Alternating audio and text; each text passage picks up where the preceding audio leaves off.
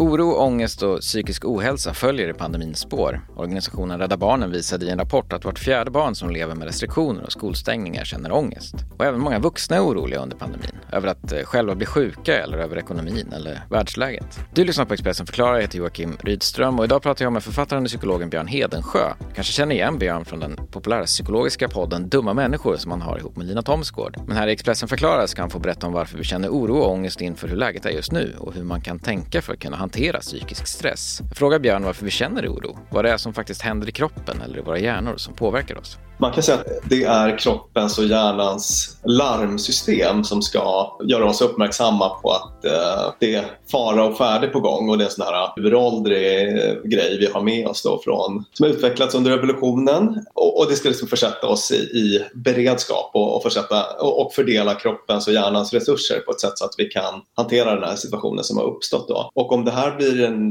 liksom ett starkt påslag då hamnar man i en sån här kamp-flyktreaktion som det kallas. Att man är liksom beredd på att slåss med, med, med en björn i skogen eller kanske att fly därifrån. Så att det händer jättemycket saker i kroppen eh, och, och i hjärnan i den situationen. Och, och en sån grej är att vi blir ganska dåliga på att tänka resonerande. Så det kanske man kan känna igen då när, från när, när man haft ett starkt ångestpåslag. Att man, man är inte så där himla bra på att tänka när man är i det här panikläget. Så där. När de här orokänslorna riskerar att ta över och verkligen påverka en riktigt negativt, vad kan man göra preventivt för att inte påverka så mycket av dem? Ett sådär enkelt knep det kan vara att stanna upp ta lite djupa andetag, alltså att hjälpa kroppen att komma ner i varv. För att eh, ångesten kan vara lite så självförstärkande på det här sättet att när man får det här eh, kroppsliga påslaget så, så, så blir man lite mer, då tänker man lite mer liksom, ångestmässigt eller man, man blir inte riktigt lika resonerande sådär. Eh, och det blir lätt att liksom, tankarna drar iväg. Då kan man bara försöka bromsa det lite grann eh, fysiologiskt.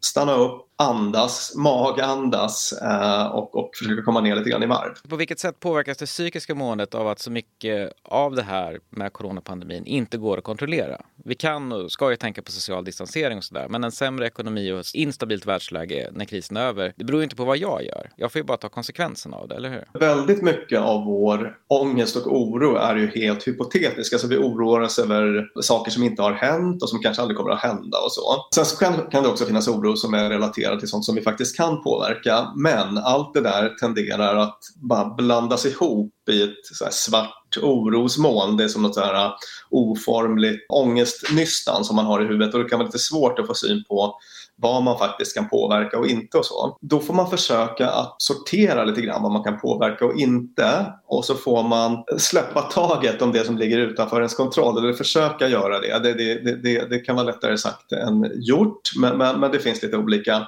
det är lite en övningssak det där, att liksom öva på att acceptera, släppa taget om sånt som man inte kan påverka, som är utom ens kontroll. Så. En sån sak som är bra att göra är att, att faktiskt försöka sortera. Mm. Eh, liksom börja, med, börja med att försöka sortera i vad kan jag påverka? Jag kan inte påverka världskonjunkturen men jag kan påverka min egen privatekonomi i den här situationen. Till exempel eh, söka a-kassa, jag skulle kunna söka någon utbildning, söka sommarjobb. Gärna sätta sig ner med papper och penna för att få lite liksom, möjligheter att sortera i det här orosmolnet och sen så faktiskt liksom agera på ett meningsfullt sätt för att lösa de problem som man faktiskt har en möjlighet att påverka. Och sen så liksom försöka att, att, att släppa det andra. Om det ändå blir väldigt svårt att släppa den här hypotetiska oron, att man, att man fastnar ändå i, i massa oro om, om, om världsläget och massa, massa saker som inte har hänt och kanske aldrig kommer hända men som man ändå går och vevar i huvudet. Det, det finns något som heter två minuters regeln som man kan använda sig av. När man övar lite grann på att få syn på sin egen oro oro och ångest, det sina orostankar. Man kan vara lite uppmärksam på om man tänker tankar som börjar med meningen eller med orden tänk om, punkt, punkt, punkt. Då är det någon orostanke som är på gång. Då kan man liksom observera lite grann vad som pågår i huvudet och, och, och försöka hänga med i den här liksom, oroslopen som man tänker. Och efter ungefär två minuter då så kan man gå igenom, utvärdera sina orostankar. Vad är det jag har tänkt på nu? Har jag löst något problem under de här två minuterna? Har jag närmat mig någon ny insikt? Om man inte har gjort det, då är det egentligen helt onödig oro så att säga, som inte gör någonting för att hjälpa oss. Och då ska man försöka bryta den på något sätt. Och det kan man göra eh, till exempel med, med fysisk aktivitet i någon form. Jag brukar sticka ut och jogga om jag hamnar i en sån här loop. Det kan vara ett sätt att bryta det. Alltså någonting som tar kropp och hjärna i anspråk på ett sätt som, som, som liksom konkurrerar ut den här orostanken då. Eller, eller liksom sätta sig och eh, göra något knep och knåp eller, eller någonting som bara funkar för, för, för dig och, och bryt den här orosloopen. Då, då, får man en, dels får man lite träning då att upptäcka när de här tankarna kommer och sen så får man en vana efter ett tag att faktiskt bara gå på något annat då. En grej då som är lite lurig med oro, grubbel, det är att man det kan kännas ganska bra att oroa sig och grubbla i stunden. Det kan kännas som ett sätt att förbereda sig för det värsta. Det blir som en snuttefilt nästan kan man säga. Eller? Det blir som en snuttefilt, ja. Det blir som ett sätt att liksom skaffa sig lite kontroll. Man, man, man, man tänker på det värsta möjliga scenario och sådär. Och så känns det lite bra. Och problemet med beteenden eller tankar som känns bra i stunden, det är att vi tenderar att göra mer och mer av dem. När vi är i en sån där orosloop så blir det lite grann som att man matar orosmonstret. Alltså det känns lite skönt och, och då kommer kommer man ägna sig mer åt det och mer och mer och mer. Så det, det, är därför det också kan vara väldigt bra då att, att aktivt gå in och, och bryta det på, på lite olika sätt. Tänk just på det här stora då, liksom, alltså okontrollerbara ändå. För när, när jag var tonåring så väntade vi på millennieskiftet och vi trodde att världen skulle gå under.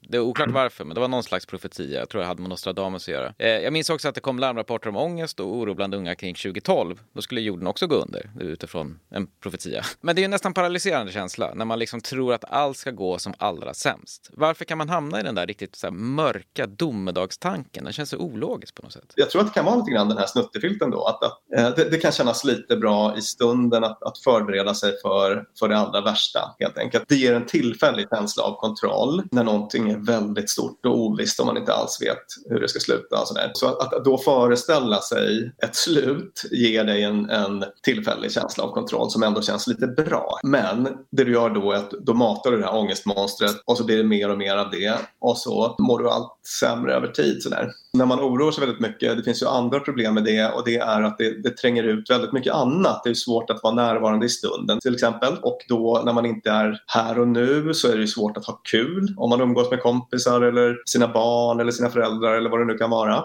Man är någon annanstans helt enkelt äh, hela tiden. Och det brukar påverka sömn, man sover sämre och så. Så, så att det, det, finns många problem med att, att vara väldigt fast i sån här ångestloop då, ofta. Men om man upplever att oro och ångest påverkar ens liv så där mycket negativt, hur ska man gå tillväga för att hantera det på bästa sätt? Om det, om det blir så mycket så att det, det påverkar ens vardag på ett påtagligt sätt. Alltså till exempel att man eh, får sjukskriva sig eller att det blir svårt att sköta jobbet eller att hålla igång sociala relationer eller att man sover jättedåligt. Att, att man verkligen mår dåligt av det. så då tycker jag att man ska söka hjälp, alltså vända sig till vårdcentral. Det finns jättebra både psykologisk och farmakologisk behandling för, för oro och ångest. Är det lite mer eh, vad ska man säga, vanlig ångest då tycker jag man kan ta till några av de här knepen som jag tagit upp idag. Att eh, sortera, försöka sortera mellan vad du kan påverka och vad du inte kan påverka. Försök, även om det kan vara svårt, att liksom släppa taget om eh, sånt som, som ligger utom din kontroll.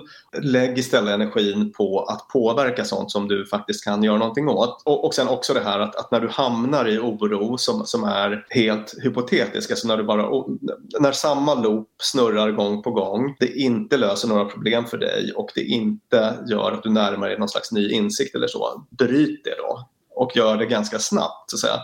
Ehm, ägnar dig åt någon aktivitet, alltså någon fysisk aktivitet eller någonting som tar kroppen och hjärnan i anspråk på ett sätt som, som, som bryter den där äh, ångestloopen. Du har lyssnat på Expressen förklarar, en podd där vi i varje avsnitt fördjupar en specifik sak i nyhetsflödet. Du kan följa Expressens övriga nyhetsbevakning dygnet runt på Expressen.se, i vår app eller i Expressen TV.